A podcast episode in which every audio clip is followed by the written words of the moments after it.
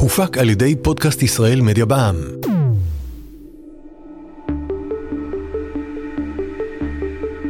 שלום וברוכים הבאים למטען חשמלי, הפודקאסט של חברת החשמל.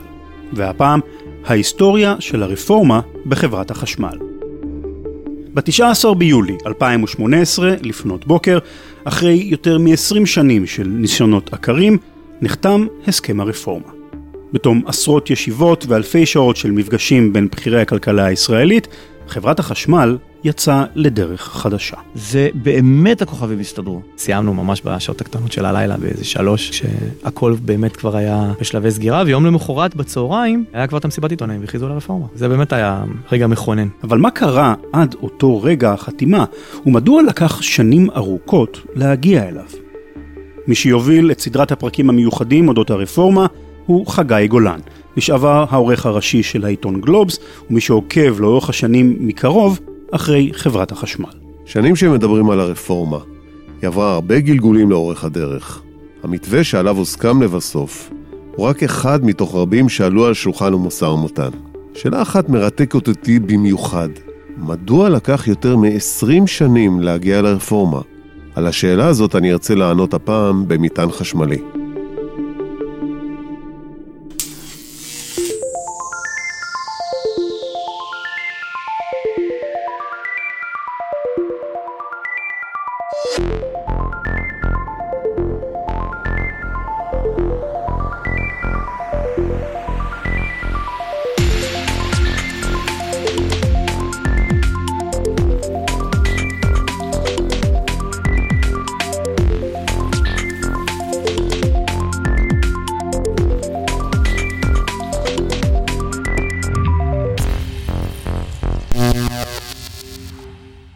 להתחיל לדבר על הרפורמה, צריך ללכת יותר מ-90 שנים לאחור, לשנת 1926. אלו הן שנות המנדט הבריטי בארץ. יעברו עוד 22 שנים עד שיכריזו על הקמת מדינת ישראל. הציונות באותם שנים הייתה שני דברים עיקריים. חזון מצד אחד ומעשים מהצד השני. פנחס רוטנברג, עולה חדש מרוסיה, החליט להתמקד בצד הפרקטי של הציונות. משימת חייו הייתה לפרוס בארץ ישראל רשת חשמל שתוכל לענות על כל צורכיה של הארץ המתפתחת. במאמץ של שבע שנים תמימות, שכללו נסיעות אין ספור לאירופה ולארצות הברית, הצליח פנחס רוטנברג להשיג מהממשל הבריטי זיכיון לייצור חשמל בארץ ישראל. הזיכיון היה תקף ל-70 שנים. ערב הקמת מדינת ישראל, חברת החשמל עדיין הייתה חברה פרטית. היישוב בארץ ישראל הלך והתפתח, והאוכלוסייה הלכה וגדלה. ככל שהתפתח היישוב, כך הלך וגבר הביקוש לחשמל. עם הקמת המדינה נפתחו לרווחה שערי העלייה, והמדינה הצעירה מצאה את עצמה קולטת מספרים עצומים של עולים. תוך 18 חודשים הכפילה את עצמה אוכלוסיית ישראל מ-650 אלף איש למיליון ו-300 אלף איש. המדינה נקלעה למחסור בחשמל, ובלחץ הציבור והעיתונות הוקמה ועדת חקירה בקשר לבעיית החשמל. מסקנות הוועדה קבעו כי הדרך היחידה להמשך תקין של משק החשמל בארץ הוא הלאמת חברת החשמל. כך הפכה חברת החשמל מחברה פרטית לחברה ממשלתית. 1996 זאת בעצם השנה שבה זיכיון חברת החשמל שרוטנברג קיבל עתיד היה לפוג. כבר מתחילת שנות ה-90 הקימו ועדות שבחנו את ההיערכות לתום הזיכיון. פגשתי לשיחה את אלוף במילואים מפתח רונטל, יושב ראש חברת החשמל, ובין השאר דיברנו איתו על החוק שהתחיל את כדור השלג. חוק משק החשמל למעשה קובע את העיקרון של הרפורמה. הוא אומר, בתחום האנרגיה במדינת ישראל, הייצור צריך להיות ייצור פרטי. זה האידיאולוגיה הכלכלית שמוביל ביבי בקדנציה הראשונה שלו כראש ממשלה. זה שנות התשעים הם שנים של הפרטות מאוד מסיביות. כמעט כל חברה ממשלתית מנסים להפריט אותה. באוויר, בים, ביבשה, רכבות, מה שאתה לא רוצה. בחוק הזה נקבע עוד דבר אחד נור, מאוד מאוד מרכזי שמשפיע אחר כך על הקריטיות ברפורמה במשק האנרגיה, וזה אה, הוצאת רשות החשמל בתוך משרד האנרגיה והפיכתה לרשות עצמאית. שלמעשה יש לה סמכות בלתי מוגבלת בקביעת תעריף החשמל, והיא מתנתקת מאחריות לפיתוח משק האנרגיה. האחריות נשארת בתוך משרד האנרגיה. אגב, אני ממליץ לכל מנהל באשר הוא, אם הוא רוצה חיים טובים ונוחים, למצוא תפקיד שבו יש לו המון סמכויות וכמה שפחות אחריות. זה הדבר הכי קלאסי. כן. בצבא, דרך אגב, אנחנו מלמדים הפוך, קח אחריות, גם אם אין לך סמכות. אל תהיה ראש סיכה. בקיצור, החוק הזה קובע שהולכים לייצור פרטי, הוא מניע את התהליך של uh, הקמת חברות שלמעשה יקימו תחנות כוח פרטיות, והוא אוסר על חברת החשמל להקים יותר תחנות כוח. עוד אדם שמכיר את הרפורמה מקרוב הוא אמיר לבנה, שמרכז את נושא השינוי המבני בחברה ומשמש כעוזר המנכ"ל משנת 2003. 70 שנה היה פה גוף אחד שקיבל זיכיון במובן שהייתה לו בלעדיות בכלל במשק, במובן המשפטי של העניין, לא רק במובן שהוא היה בלעדי. אסור היה לספק חשמל חוץ מחברת חשמל. והזיכיון הזה, ברגע שהוא הסתיים ב-96, למעשה עשה שינוי דרסטי במשק, שזה חוק משק החשמל מ-1996 המפורסם, שהחוק הזה למעשה, השינוי הגדול שהוא עשה, זה מעבר ממשטר של זיכיונות, שזה למעשה אחד שמקבל זכות ומפעיל אותה, למשטר של רישיונות, ששם בפילוסופיה של העסק אתה למעשה אומר, כל מי שיש לו רישיון ועומד בתנאים מסוימים הוא שחקן במשחק. החוק הזה גם הקציב עשר שנים עבור ההתארגנות מחדש של חברת החשמל ושל הרגולטורים סביב מתכונת תחרותית חדשה ושונה למשק החשמל בישראל. בינתיים קיבלה חברת החשמל רישיונות מעבר שתוקפם עתיד היה לפוג ב-2006. עוברות 22 שנה ומנסים לעשות רפורמה. שבע ממשלות, עשרות, מאות של רגולטורים שלא מצליחים להתכנס לאיזשהו אה, מהלך שיש לגביו הסכמה כדי שתהיה רפורמה. מה שקרה ב-96, שהחברה קיבלה למעשה רישיונות לעשר שנים, והממשלה למעשה לא אמרה לעצמה לאיפה היא רוצה ללכת. היה כיוון כללי, אבל לא היה מבנה משק, ואמרו לו, יש לנו תקופת מעבר של עשר שנים, נתחיל להתארגן בעשר שנים, ופרקטית לא קרה שום דבר עד 2003. המצב הזה למעשה מתחיל את הידרדרותה הפיננסית של חברת חשמל. חברת החשמל בשנות ה-90 היא חברת Triple A. היא חברה שהיא יציבה מאוד מבחינה פיננסית, מאוד איתנה. ורשות החשמל, שקובעת את תעריף החשמל, והתעריף קובע את יציבותה של חברת החשמל, למעשה הרשות הזאת נשלטת על ידי אגף התקציבים באוצר. שעובד בשיטה שמה שלא הולך בכוח, הולך ב... יותר כוח. יותר כוח. כן. ואם חברת החשמל לא מוכנה ל- לרפורמה, לא קרה שום דבר, נשכיב אותה לברכיים. ולמעשה, התעריף שבאמצעותו, למעשה, מתגבש ההון שמאפשר את פיתוח משק האנרגיה, וחברת החשמל בחוק משק החשמל וגם לפניו היא ספק שירות חיוני. החברה הזאת, למעשה, שמחויבת להמשיך ולפתח את המשק, עושה את זה באמצעים פחות ופחות נוחים, ולמעשה התהליך הזה מביא לאורך ה-15 השנים הבאות לפיחות מאוד גדול ביציבות הפיננסית של חברת החשמל. אלא שבשנים שלאחר מכן, העניינים התנהלו בעצלתיים. אמנם הזיכיון שניתן לחברת החשמל בימי הבריטים פג, אבל אף יצרן פרטי לא נכנס לשוק החשמל, והמשק נשאר כשהיה. תחילת המילניום, זאת אומרת תחילת שנות האלפיים, היו שנים של משבר כלכלי פיננסי. לא רק בארץ, גם בעולם כולו. במשרד האוצר מבינים אז שכדי למנוע מהמשק לקרוס, צריך לעשות שינוי. והשינוי לא פוסח גם על חברת החשמל. בנימין נתניהו, אה, שר אוצר, מקבל אה, כלכלה במצב אה, מאוד מאתגר סביב כל מה שקרה בשנות האלפיים, ולמעשה נותן הנחיה בעיקר לאגף תקציבים לשלוף מהמגירות את כל התוכניות הכלכליות שהיו מונחות במגירות, ובתהליך מאוד מואץ מפעיל ועדה שהייתה הוועדה על הנייר, ועדת מרני שהיה אז מנכ"ל האוצר, ותוך פרק זמן של מספר חודשים בודד, הם מגישים המלצות מאוד מאוד קיצוניות לאן המשק הזה צריך ללכת. והכיוון, מבחינתם של אנשי ועדת מרני, היה שינוי דרסטי במבנה של משק החשמל הישראלי. השינוי הזה כולל בין השאר חלוקה של תהליך ייצור והפצת החשמל למספר מקטעים, שחלקם, כך המליצו, יופרטו. עובדי חברת החשמל הוכו בתדהמה.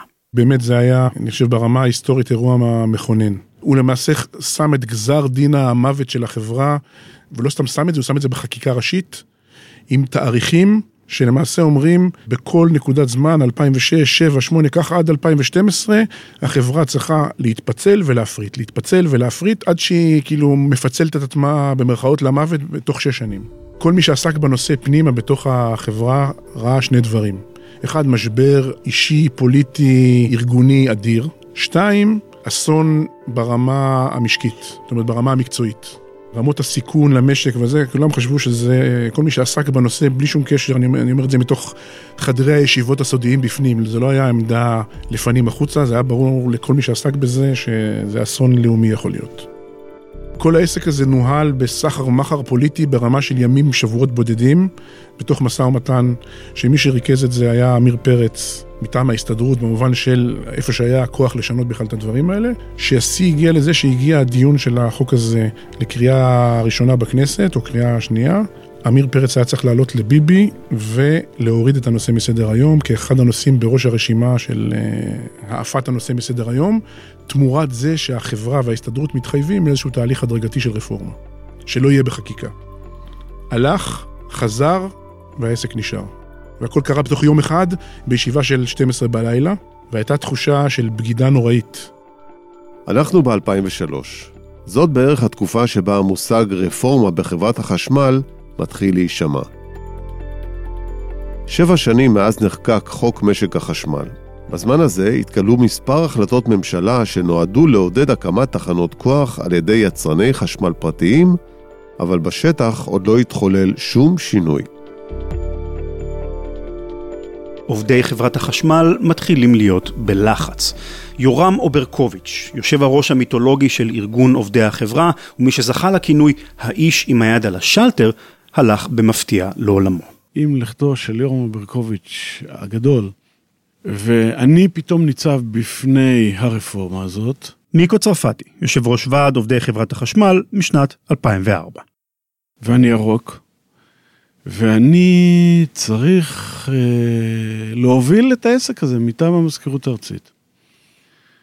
ואני תוהה, אוקיי, מה אנחנו עושים עם זה? לימים הגיע אליי איש חכם, שעבד בחברת חשמל ועזב אותה, נעשה עצמאי, ואמר לי, תשמע מיקו, אתה רוצה להיות חכם? תגיד להם על הכל כן, ורק תדרוש המון כסף. כי ביבי באותה תקופה אמר לנו, אם אתם אומרים לי כן לדרך שאני רוצה ללכת ברפורמה, תקבלו ממני מה שאתם, רק כל מה שאתם רוצים, כל הפנטזיות שלכם. ואמר לי איש חכם מאוד, תשמע מיקרו, תגיד להם כן, בלאו הכי הם לא יכולים לבצע את זה, זה לא ניתן לביצוע, ואחר כך הם ישלמו לך כסף כדי להחזיר את המצב לקדמותו. אני אמרתי לאותו אחד, תקשיב, יכול להיות שאתה צודק, אבל אני לא יכול להתנהג בצורה כל כך חסרת אחריות. לא כלפי המדינה ולא כלפי העובדים. זה לא משהו שאפשר לשחק איתו. ומי שהיה אחראי על המשאב הכלכלי החשוב ביותר במדינת ישראל הייתה חברת חשמל. היא זו שהובילה את המשק הזה, היא זו שצפתה את הצרכים לשלושים שנה קדימה, היא זו שגייסה כסף ובנתה תחנות כוח. נכון, תמיד שהיה לה גיבוי ממשלתי, אבל היא הייתה חברה עסקית לכל דבר ועניין, שהייתה לה אחריות של מדינה. שרים לא יכלו לה. האחריות נפלה על חברת חשמל. ולפתע מגיע שר אוצר, שבא ואומר, אני מפרק את הכל. אתה בהלם, מכיוון שאתה בא ושואל, אוקיי, מה מניע אותך? מה אתה רוצה להשיג? כדי שנוכל להזדהות עם הרעיון ונוכל לקבל אותו, כי כולנו גדלנו על ברכי הוותיקים של חברת חשמל, שב-DNA שלנו, כמו שצה"ל אחראי לביטחון המדינה, חברת חשמל אחראית לאספקת האנרגיה במדינת ישראל, וזה כמו שאתה בא ואומר, בוא נפרק את הצבא פתאום. לעשרות גדודים פרטיים ועשרות מיליציות, שהם ייקחו את האחריות. אתה לא יכול תפיסתית לחיות עם ההרגשה הזאת. ואם זה לא מספיק, בחודש דצמבר 2003 מוקם צוות מנכ"לים בכירים שתפקידם ליישם את חוק משק החשמל. התוכנית בפועל, לתאגד מחדש את חברת החשמל. עמית אברקוביץ', סמנכ"ל משאבי האנוש של החברה, הוא אחד מהקודקודים שהובילו את הרפורמה ב-2018. וכן, הוא גם הבן של יושב ראש ועד העובדים המיתולוגי. כשמדובר בחברה שמעסיקה יותר מ-12,000 עובדים, הרכיב האנושי הוא קריטי. אז תגיד עמית, מה לדעתך לא עבד בסבבים הקודמים? תראה, בסוף זה הכל זה אנשים. אני צמחתי מתוך החברה. לא רק שצמחתי מתוך החברה, למעשה אני בגיל חמש בתהליכי רפורמה. אני מכיר את זה לפני ולפנים. אני לא השתתפתי בסבב KPMG והתוכנית למעשה לפצל את החברה ל-18 או 20 חברות. אין שום סיכוי. עם תוכנית כזאת, אתה מדבר פה במדעי התנהגות. אתה לא מדבר, הפיננסים כולם מבינים. ומה שמשק האנרגיה מבחינה טכנולוגית צריך לעבור, כולם מבינים. אבל כשאתה שם את האנשים סביב השולחן, אתה חייב להכניס פה את מדעי ההתנהגות. במדעי ההתנהגות, אם אתה לא שם אלטרנטיבה שכולם יכולים להסכים עליה, או שכולם יכולים להבין שזה הכי טוב שיש היום, אתה לא תתקדם, וזה היה בעצם השוני בין 2003 ל-2017.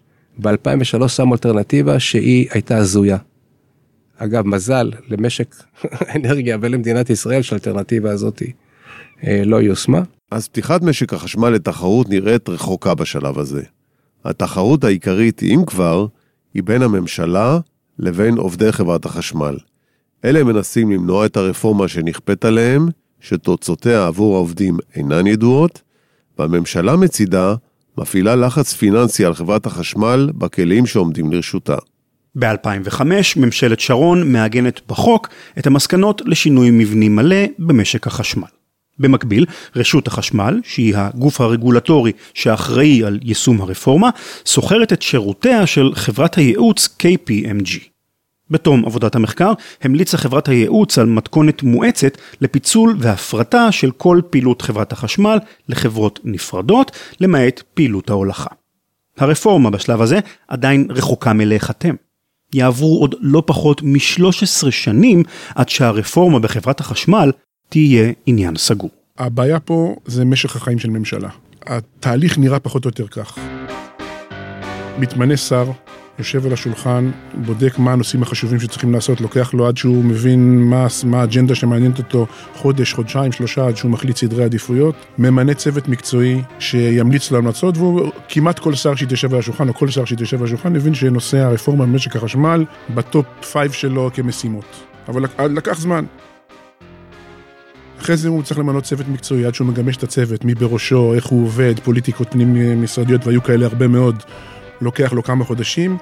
אחרי חצי שנה שממשלה יושבת על המדוכה, מתחיל לעבוד צוות. משך הזמן כדי לגבש מסקנות לתהליך כזה מורכב, אם הוא עובד מהר זה שנה. זאת אומרת שלפני שבכלל הסבב הזה של מקבלי החלטות, שרים ומנכ"לים, מתחיל לנהל משא ומתן עם העובדים וההסתדרות והחברה למעשה, עוברת שנה וחצי. חוק משק החשמל, שבו התחלנו את הפרק, נתן לחברת החשמל ולרגולטורים עשר שנים כדי להגיע להסכם הרפורמה. 2006 הגיע, ורפורמה, אין. מכאן, בכל שנה, צריכה הייתה הממשלה להאריך את הרישיון של חברת החשמל. ארכה של שנה אחת בכל פעם. וכפי שתכף נראה, הממשלה לא היססה להשתמש באישור הארכת הזיכיון כמעין מנוף, גם במחיר של פגיעה כלכלית בחברה. סביב 2007-2008, החברה, המדינה והעובדים מנהלים משא ומתן שקט, והם מנסים לגבש מסמך הבנות עקרוני, שסביבו יוכלו להוציא את הרפורמה לדרך. הממשלה השתמשה בכלים מאוד, נקרא לזה, אלימים, כדי להביא את החברה למצב פיננסי בעייתי. הביצועים הפיננסיים של החברה וכל החוב הגדול שהיא צברה למעשה נצבר בשנים האלה. המדינה, וזה לא סוד, וזה לא סוד, כי התבטא על זה הממונה לשכר, אילן לוין, הממונה לשכר לשעבר, בהקשר הזה בריאיון פומבי, שהוא אמר כן, הרצון שלנו להרחיק את השלטר מהיד של אה, ארגון עובדי חברת חשמל, הוא לווה בתוכנית להוריד את חברת חשמל על הברכיים מבחינה פיננסית. עכשיו, זה לא העניין של מה בכך, זה להוריד חברה ולייצר עליה מנופים שליליים כאלה כבדים, זה גם הימור מבחינת המדינה. תהליך שקרה בשנת 2000 וסוף 2007-2008, נוהל משא ומתן חשאי על מסמך שקראו לו נון פייפר, שהיה למעשה מסמך כתוב של כל עקרונות הרפורמה בין כל הצדדים, שהמתווך שתיווך בין שלושת הצדדים היה אורי יוגב, ופואד היה שר האנרגיה והוא היה מאוד דומיננטי בתהליך. בסוף, המסמך הזה, שעשה רפורמה גם כן מאוד מתקדמת במבנה שלו, התפוצץ על שתי סוגיות. אחת, דרישה של האוצר שכל הפיצולים של החברה לחברות בנות וכדומה, כל אחד מהם תהיה יחידת מיקוח נפרדת עם ועדים נפרדים, שההסתדרות אמרה על גופתי המתה, א', ב', זה גם לא סמכות שלך בכלל להגיד איך עובדים מתאגדים, העובדים יחליטו איך נראה האיגוד המקצועי ואיך נראה הוועד שלהם, ושתיים, ויכוח האם החברות הייצור שהיו צריכות להתפצל מהחברה הראשית יתחילו לפעול ב-2014 או ב-2015. על שני הנושאים האלה, בגדול, התפוצץ משא ומתן לא הצליחו לגשר על הדברים, גל חזק מאוד של עיצומים כתגובה על האכזבה והפיזור. איבדנו שנה וחצי, שילמנו כמה מאות מיליוני שקלים בנזקים בעיצומים. עברה הממשלה, עברה הזדמנות. זו הייתה אחת הדוגמאות הקיצוניות לאיבוד הזדמנות אה, לסגור רפורמה. בסוף, בכל אחת מהנקודות, היו נקודות לפעמים טיפשיות ביותר שפוצצו את העסק. דברים שאתה אומר אותם היום נשמעים לך מגוחכים, פוצצו את העסק, וכשהעסק מתפוצץ מול ממשלה, מול הסתדרות, איבדת שנה וחצי ואיבדת את הסיבוב. המשא ומתן הזה כבר נראה קרוב יותר. אפילו הגיעו למסמך הבנות ראשוני. אבל גם מה שנדמה היה כניצנים ראשונים של רפורמה, לא הצליח להבשיל לכדי הסכם. וברגע שלמדנו שאין שום היגיון, לא כלכלי, לא מעשי, לביצוע צעדים כפי שנכתבו בחוק ההסדרים ב-2003, שזה חוק איום ונורא, אמרנו, אנחנו מכריזים מלחמה על החוק הזה. בפירוש כך. עכשיו, כשאתה מכריז מלחמה, זה לא שאתה עושה דברים לא חוקיים, או מוציא כלי נשק, או עושה משהו שהוא לא מקובל, הוא לא נורמטיבי. אלא, אמרנו, נעשה כל שיש לאל ידינו כדי להביא אלטרנטיבה טובה יותר. ואגב, היינו בטוחים שהציבור יהיה איתנו ונוכל לשכנע את הציבור. באותה תקופה הייתה אה, שנאה מאוד גדולה לעוצמות שריכז בידיו יורם ברקוביץ'. לא אהבו את זה. והנה אני נכנסתי, אמרתי, אני אבוא לציבור כאנדרדוג, ואני אבוא לדבר בתקשורת אל הציבור ושכנע אותו שזה, לא, שזה לרעתו, שהאינטרס של עובדי חברת חשמל ושל הציבור הוא חופף. המתקפה התקשורתית שאני קיבלתי... אבל משהו בכל זאת השתנה. המצב הפיננסי של חברת החשמל הגיע לשפל, ובהנהלה הבינו שחייבים לשנות משהו כדי לייצב את האיתנות הכלכלית של החברה. גם הממשלה מפסיקה לעבוד נגד החברה ומבינה שצריך לשתף פעולה כדי לגרום לחברת החשמל להבריא. הממשלה מפסיקה לעבוד נגד החברה במובן הפיננסי, בסוף זה משק לאומי שכשהוא נכנס למשבר פיננסי אז הממשלה שמה. וגם הממשלה הבהירה שהיא שמה. השינוי המעניין השני שקשור לרפורמה, אני חושב זה ההתנהגות של ההסתדרות ושל העובדים. אני חושב שהטקטיקה הייתה עד התקופה של 2007-2008, טקטיקה של לשחק על זמן, ולדחות את הקץ. טקטיקה של העובדים. של העובדים ושל ההסתדרות. כן. וכל הדינמיקה במשא ומתן היה בואו תביאו לנו חוקרים שיש, ו, וחברות ייעוץ שישכנעו אותנו ובואו נגדיר תנאי סף עד שיתחיל הרפורמה, תנאי סף של רזרבה, תנאי סף פיננסיים, כל מיני תהליכים שיקרו או לא יקרו בעוד עשר שנים, או, או לשחק על זמן, שאתה יודע, הפריץ מת והכלב מת והשיירה עוברת. אני חושב שמה שזה, לפחות מנקודת מבט שלי, מה שזה זעזע את העסק, היה מה שקרה ב-2008 למעשה, התוכנית שנקראת מצפן, ולמעשה ההנהלה באה ואמרה, אנחנו מניחים שאין רפורמה, שיחקתם ארבע פעמים עם המשחקים האלה, כל פעם מגיע מישהו חדש, אין, אנחנו עכשיו עושים מה שאנחנו חייבים לעשות כהנהלה. השיקו תוכנית התייעלות מאוד גדולה, שהבסיס שלה למעשה הוא הבסיס של תוכניות ההתייעלות גם היום, גם כן בהיקף דומה של כאלפיים עובדים, שזעזעה את החברה, וגם אני חושב שהעבירה מסר שבסוף חייבים לבצע את השינוי בטוב או ברע. התוכנית הזאת הייתה ללא שיתוף העובדים, זאת אומרת, זו תוכנית שההנהלה יזמה. נכון. ללא שיתוף נכון. העובדים. כן. עכשיו, התוכנית הזאת גרמה לח... בחברה למאבקים מאוד קשים במשך שנה וחצי של עיצומים, אולי אפילו שנתיים, שבסוף הסיכום אחרי גלים חוזרים ונשנים של אה, עיצומים קשים מאוד, גם ברמה האישית, היו שחוזרים למשא ומתן מלא על כל הרפורמה, תחת הבנה שאני מבין אותה לחלוטין מבחינת העובדים, אנחנו לא רוצים לעבוד בשיטת הסלאמי, לא רוצים שיגזרו אותנו פעמיים, אל תבואו ותנהלו משא ומתן על התייעלות מצד אחד, ושנתיים אחר כך תבואו, מוכרים חברות, מוכרים תחנות כוח, מפריטים פעילות, מוציאים מנהל מערכת ועושים דברים אחרים. אז אמרו בואו תעשו את הכל ביחד, תנהלו את שני הדברים במשותף, זה היה איפשהו בסביבות 2009, וב-2010 למעשה נחתם מסמך הבנות מוסכם למבנה משק. דף אחד, אני כתבתי אותו, שנכתב על דעת אה, אגף תקציבים באוצר, רשות החברות, משרד האנרגיה, יושב ראש ההסתדרות, הישיבה הסופית הייתה אצל אה, יושב ראש ההסתדרות, והייתה לכאורה הסכמה על מבנה משק. גם הניסיון של 2010 לא צלח, ובינתיים הממשלה התפרקה, וכך נגמר לו הסבב. הרבה כמעט יש בסיפור הרפורמה, וככל שאנחנו מתקדמים בשנים, כך אנחנו הולכים ומגלים את המורכבויות שבסיפור. חברה של כ-12 אלף עובדים, שהיא הספק היחיד של חשמל בארץ. מספר רב של ועדי עובדים, אבל מצד שני חרב הפיטורין שמונפת מעל לראשיהם של אלפי אנשי מקצוע. ובתוך כל זה, גם הציבור שעוקב אחרי מה שמתפרסם בעיתונות, וכל שנותר לו הוא להתרגז על רפורמה שלא מצליחה להיסגר כבר שנים. כל פעם שמתפוצץ לך כזה משא ומתן שאתה עובד עליו אה, שלוש שנים בלילות, זה משבר גדול מאוד. כן, אישי. אישי, אתה בונה משהו, משקיע מנשמתך בסוף בתהליכים כאלה, וזה משבר גדול. בזמן שמנסים להתניע שוב את הרפורמה, משק החשמל בישראל סופג מכה קשה. השנה היא 2011. במצרים השכנה, פעולות מרי אזרחיות מנסות להפיל את שלטון הנשיא מובארק.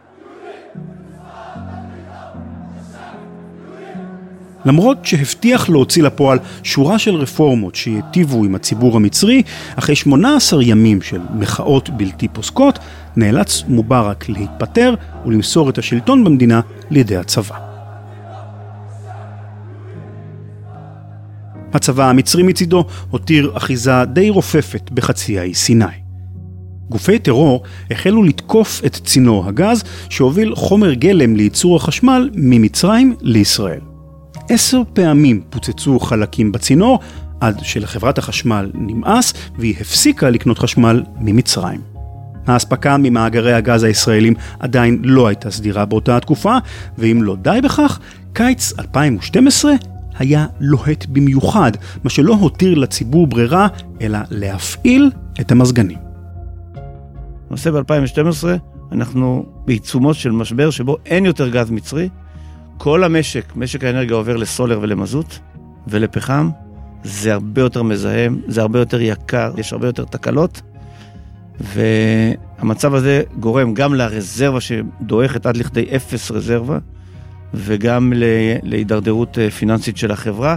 במצב, אני זוכר את אה, יולי 2012, בחברת החשמל יש 300 מיליון שקל בקופה. עכשיו, מה זה 300 מיליון שקל בקופה בקיץ 2012? אני אסביר לך. כל שעה דלקים עולה לנו מיליון דולר. כל יממה דלקים עולה לנו 100 מיליון שקל. חודש יולי עולה לנו כולו 3 מיליארד שקל, וחודש אוגוסט 2012 עולה לנו גם הוא 3 מיליארד שקל. סך הכל בחודשיים 6 מיליארד שקל, ובקופה יש 300 מיליון שקל. זה מצב שאני לא זוכר אותו כאלוף בצבא, כמפקד בצבא, גם בקרבות מאוד קשים. ו... את הדרמה הזאת היינו צריכים לטפל בשתי שכבות. שכבה אחת זה לצאת מהמצב הקשה מיד, והדבר השני זה להניע תהליך שיביא את החברה הזאת ואת המשק הזה ליציבות. אז בטווח הקצר, מה שעשינו, זה לחלץ את החברה מהורדה של שתי חוליות בדירוג האשראי של החברה, והפיכתה לחברה שיש לה דירוג זבל. צריך להבין את הדרמה הזאת. ההחלטה כבר התקבלה באנגליה על ידי חברה שנקראת מודי'ס, ו-S&P, והתהליך הוא כזה שיש 48 אה, שעות לכל חברה לערער על ההחלטה. סיכויי הערעור בדרך כלל בממוצע בעולם, 15%. גייסנו את כולם, שטייניץ כשר האוצר, אגף התקציבים, מנכ"ל האוצר, גל הרשקוביץ כראש אגף תקציבים, ומנכ"ל האוצר דורון כהן, ובראש שטייניץ, ובשיחות טרנס-אטלנטיות. הצלחנו לשנות את ההחלטה של חברות הדירוג, ולמעשה לבלום את ה... נקרא לזה, את הקריצה. מבחינת הרזרבות, לקח לנו יותר זמן. והיום, כשאני מדבר איתך, הרזרבות כבר הם כמו בעולם המערבי, 20, 20 אחוז רזרבה. צריך להבין, בשנות ה-60, אני לוקח אותם רגע לשנות ה-60, בשנות ה-60, טלוויזיה הראשונה בשחור לבן בארץ, אחת הפרסומות הראשונות היא יותר חשמל, פחות תמ"ל. פחות תמ"ל. עודדו שימוש בחשמל. היה מספיק חשמל. בשנת 2012 בקיץ, אני כיושב ראש חברת החשמל מאשר תשדירים שמתחננים לציבור להפעיל מזגנים ב-25 מעלות בקיץ. אתה אתה פעם הפעלת מזגן ב-25 מעלות בקיץ.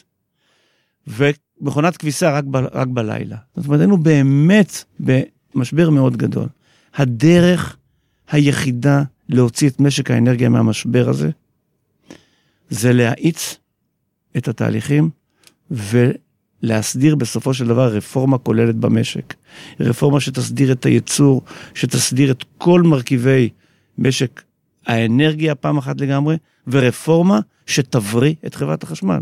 המשבר בקיץ 2012 נתן עוד רוח גבית לרפורמה. המצב הרגיש שבו הייתה אז החברה, גם מבחינה כלכלית וגם מבחינת עתודות האנרגיה, כנראה עשה את שלו. יושב ראש ארגון העובדים, מיקו צרפתי, שהוא גם חבר אישי, והוא גם מנהיג עובדים אמיתי, שאני מאוד מעריך אותו, הבין שחברת החשמל לפני קריסה. החברה הזאת יש לה 70 מיליארד שקל חובות. אם אני עוצר את גביית הכספים והיא מתמוטטת, זה לא צים שמתמוטטת, זו לא אלעל שמתמוטטת, זה לא, אני לא... אז למה בכל זאת? זה 70 מיליארד שקל שמתמוטטים. כלומר, אמרתי להם, אתם רוצים לשחק את המשחק, אני אשחק איתכם עד הסוף. אל, תפ... אל תפחידו אותי. החובות, אתה יודע, זה בדיוק המשל, שאם אתה חייב 100 אלף שקל לבנק, תדאג. למה? כי הבנק יכול לבוא, לעקל לך מהבית את הטלוויזיה, את הדירה, אבל אם אתה חייב 100 מיליון שקל לבנק, שהבנק ידאג. תיקחו אותי, תנערו אותי, תעשו מה שאתם רוצים, אין לכם מאיפה לקחת את הכסף. וזה בדיוק היה המצב של חברת חשמל. האחריות להתמוטטות של חברת חשמל היא משותפת, גם שלי וגם שלכם. באופן מסורתי, מ-96, גדולי המתנגדים לרפורמה בחברת החשמל הם ארגון העובדים. וההסתדרות שלמעשה נותנת את החסות לנושא הזה. אה, בסך הכל היה להם נוח. גם לא היה חסר להם הרבה. מרוויחים טוב, תנאים לא רעים, קשה לפגוע. זאת המסורת של ארגון העובדים בחברת החשמל. חיו ותנו לחיות. טוב, זה לא מאפשר אה, לקחת את החברה הזאת ולהפוך אותה לחברה מודרנית. וכשהוא הבין את זה, הוא הבין עוד דבר.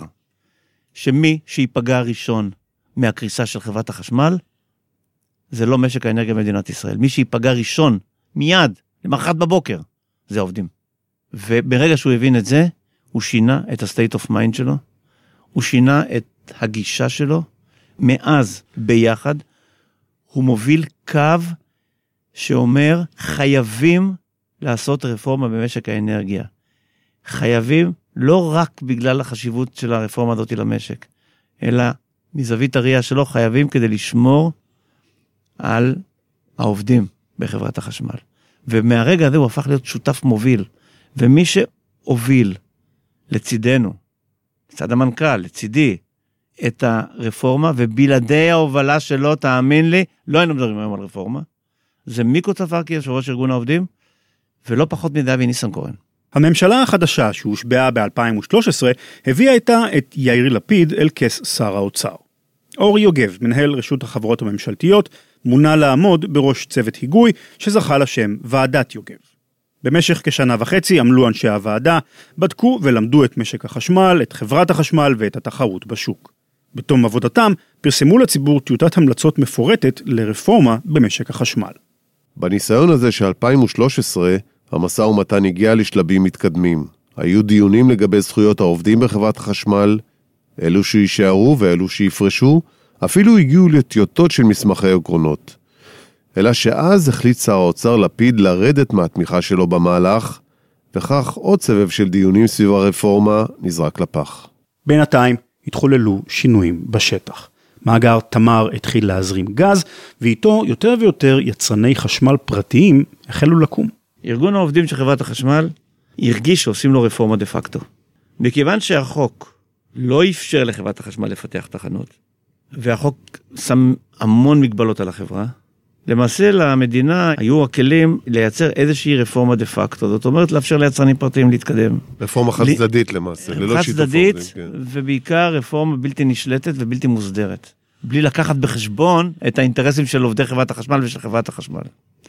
אז uh, יצרנים פרטיים שנכנסו מבלי שההסדרה מאפשרת לחברת החשמל להישאר עם הראש מעל המים. סתם לדוגמה, ברגע שנכנס יצרן פרטי שמקבל עדיפות מוחלטת, ההכנסות של החברת החשמל יורדות. אם לא מפצים על זה באיזושהי דרך, קשה לעמוד בין ההכנסות לבין העלויות, העלויות נשארות גבוהות, ההכנסות יורדות, ואתה עוד, עוד יורד ביכולת, במצב הפיננסי שלך, זה רק דוגמה אחת. התחילו לייצר בקיעים ולאפשר לקיבוץ א' ולמושב ב' ולאזור תעשייה ג' ולבניין ענק בתל אביב ד' לחלק לעצמם את החשמל. בארגון העובדים של חברת החשמל, ובצדק, הוא בא ואמר, רגע אחד, הרפורמה דה פקטו, אנחנו שובתים. הלכו ושבתו. עכשיו, בשביתה בחברת החשמל, פגיעה בחשמל של מדינת ישראל, הלכנו לבית הדין האזורי. בית הדין האזורי נתן אישור גורף לחברת החשמל לשבות על הרקע שעושים רפורמה חד צדדית. בית הדין לעבודה בחיפה, לעובדי חברת החשמל. לעובדי חברת החשמל. אמרנו רק אחד, מה זה הפסק דין הזה? פנינו לבית הדין הארצי לעבודה. בית הדין הארצי לעבודה בפסק דין שיש לגביו חילוקי דעות מאוד מאוד גדולים, לא רק שאימץ את פסק הדין, לא קיבל את הערעור שלנו ואימץ את פסק הדין של בית הדין האזורי בחיפה, אלא הרחיב את הגמישות של ארגון העובדים ושל ההסתדרות לשבות על הרקע של הרפורמה החד צדדית. ולמעשה הוא אמר להם, מותר לכם לשבות, רק אל תפסיקו את החשמל. ואז המדינה, ביחד איתנו, לא נותרה לנו ברירה והלכנו לבג"ץ. ההסתדרות הייתה די בטוחה בעצמה, והתחיל דיון שהוא דיון אה, בעיניי אה, מכונן בתחום יחסי העבודה, שהוא התחיל ברמה של סימפתיה מאוד גדולה של השופטת למאבק של העובדים. המדינה באופן אה, תיאורטי מסרבת לקיים איתך משא ומתן על הזכות שלה לקיים רפורמה. ואז בשלב מסוים קם שי באב"ד, ולידו קם גם אה, שאול מרידור, שהיה אז מנכ"ל משרד האנרגיה, ואמרו לשופטת, לא ייתכן שהעובדים יחליטו שיש להם זכות שביתה על זה שאנחנו רוצים לעשות רפורמה. שי בעבד, מנכ"ל משרד האוצר. זכות השביתה יכולה להיות אם יש פגיעה ישירה בעובדים, או ככל שתהיה פגיעה, על הפגיעה בעובדים שנעשית.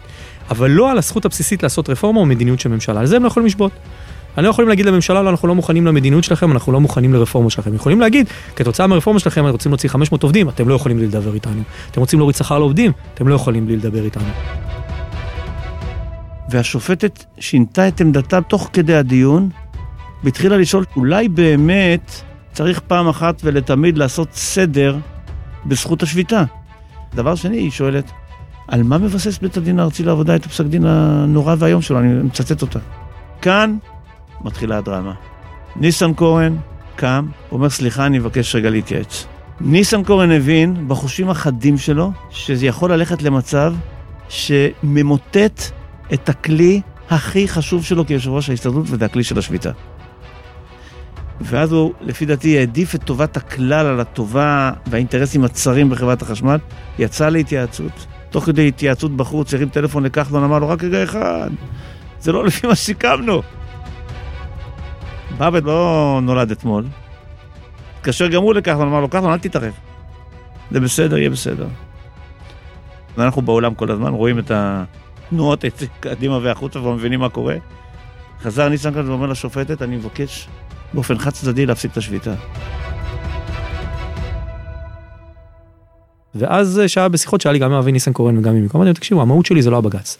אני לא מנסה להכניע פה את זכות העובדים וזכות השביתה, נכון שזה נושא מהותי, אבל אני חושב שהדברים האלה צריכים להיסגר בינינו בכללי משחק, שהם כללי משחק בין הסתדרות לבין ממשלה, שיכולים לעבוד לשני הצדדים. ואם אני יכול להימנע מבית המשפט להגדיר את הכללי משחק האלה, אני חושב שמה שאנחנו נפתור ביחד, תמיד יהיה עדיף על מה שבית המשפט יקבע. ואז ייצרנו מצב שבו מצד אחד אנחנו כממשלה קבענו את המדיניות, אבל מצד שני הצלחנו להגיע איתם להסכמות, הם ההשלכות על העובדים, ואיך ההשלכות האלה על העובדים אה, משפיעות או לא משפיעות. מהרגע הזה, סוף ספטמבר 2017, נכנסנו לתהליך מואץ שסופו היא חתימה ושינוי החוק ולמעשה יציאת הרפורמה לדרך. זאת אומרת, מה שאתה אומר במילים אחרות זה שהעובדים הבינו בשלב הזה, שאו שהם מתקדמים לכיוון של חתימה על רפורמה, או שעלולה להיכפות עליהם למעשה רפורמה חד צדדית שהם פחות טובה להם. כולם נכנסו לתהליך סדור של דיונים גם כאן אפשר להגיד שהיה מאוד מאוד מורכב להגיע להסכמה.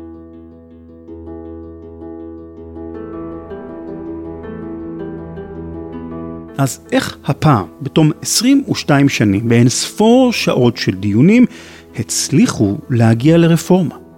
כיצד קיבלו את הסכמת העובדים, ואיך ידאגו לעובדים הפורשים? מה הרפורמה אומרת עבורנו, הצרכנים?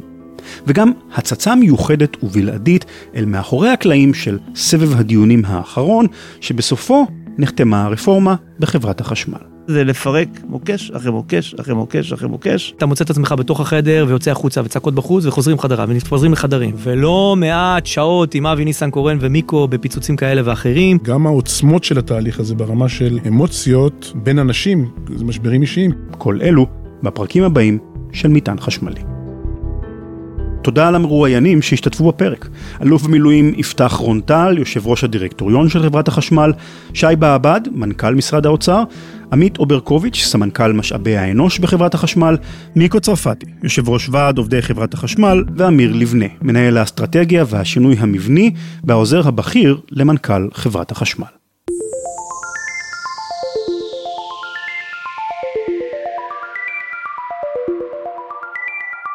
מטען חשמלי, העורכת הראשית דליה בודינגר, דוברת חברת החשמל. מראיין ומגיש חגי גולן, עורך יוסי מצ. הפקה דוברות חברת החשמל, לירון בן יעקב וכרמל ביטן אלשטיין. הפודקאסט הופק על ידי רשת עושים היסטוריה. אני רן לוי, נתראה בפרק הבא.